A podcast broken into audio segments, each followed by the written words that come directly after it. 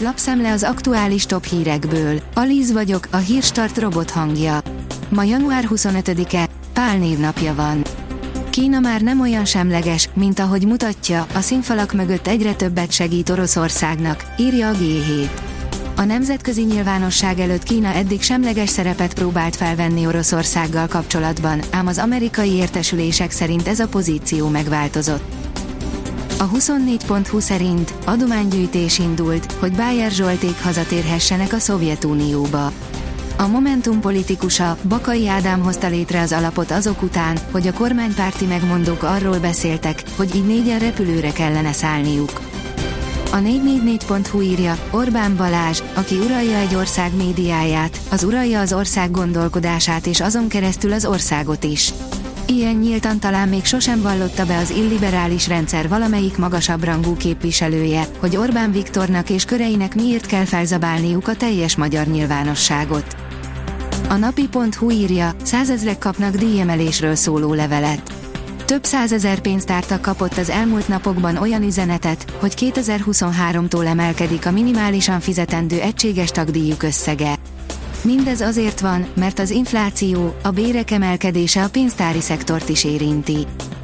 Az Autopro írja, tömegesen hívja vissza autóit a Volvo. Szoftver problémák miatt globális szinten, százezres nagyságrendben hívja vissza autóit a Volvo. Schwab-hegyi luxustelek került az egyik leggazdagabb magyarhoz. Szíj László megérkezett Tibort István exkluzív magánklubja mellé a piaristák egykori Schwab-hegyi parkjába. A Trendy Vétarolt Telek együttesnek éppen azt a darabját szerezte meg 2022 végén, melyet annó Andy Vajna nézett ki magának, áll a Forbes cikkében. A rangadó oldalon olvasható, hogy a Bayern csökkenteni akarja Manuel Neuer fizetését. A világbajnok kapus sielés közben eltörte a lábát, így a szezonban már nem játszhat, ráadásul igazolni is kellett a helyére. A vezes kérdezi, F1, zűrzavar és feszültség a Mercedesnél. Helmut Markó, a Red Bull sportfőnökének információi szerint zavart okozott a Mercedesnél Jamie Wall stratégiai igazgató távozása. Hírszerzési jelentés, már azelőtt felsültek az orosz armata tankok, hogy a frontra kerültek volna. Az Egyesült Királyság hírszerzése szerdán is elkészítette az orosz-ukrán háborúval foglalkozó szokásos napi jelentését, melyben ezúttal az Orosz Föderáció modern T-14 armata harckocsijáról, valamint annak lehetséges ukrajnai bevetéséről értekeztek, áll a portfólió cikkében. A növekedés szerint bankholding tartós lehet a forint erősödés.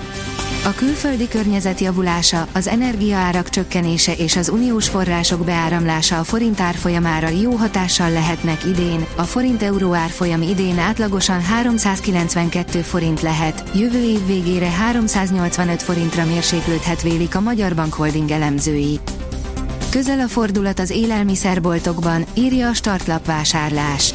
Egyre több jel utal a közelgő inflációs fordulatra, kiderült, meddig tart az árstok, hatalmasat nőtt az átlagkereset, csökkent a reálkereset, már a kormány is gyengülő forintot vár, egyre olcsóbb a gáz. Hírek az infláció témájában. Előremutató változás Kispesten. A Budapest Honvédnál januárban komoly változás történt, de nem az élvonalbeli futballcsapat kötelékében, hanem az utánpótlásban. A Magyar Futballakadémia korábbi vezetője, Simon Miklós ugyanis közös megegyezéssel távozott, a helyét pedig Fehér Péter vette át, aki Dániából érkezett, hogy segítse a klub fejlesztését, írja a büntető.com. A rangadó teszi fel a kérdést, Messi hátat fordít a Paris Saint-Germainnek. A sajtóban már többféle pletyka is van arról, hol folytathatja. A kiderül szerint a héten már alig fogjuk látni a napot. A hét második felében nagy részt felhős, borongós időre számíthatunk, nagyobb eséllyel vasárnap szakadozhat fel a felhőzet és süthet ki a nap. A Hírstart friss lapszemléjét hallotta.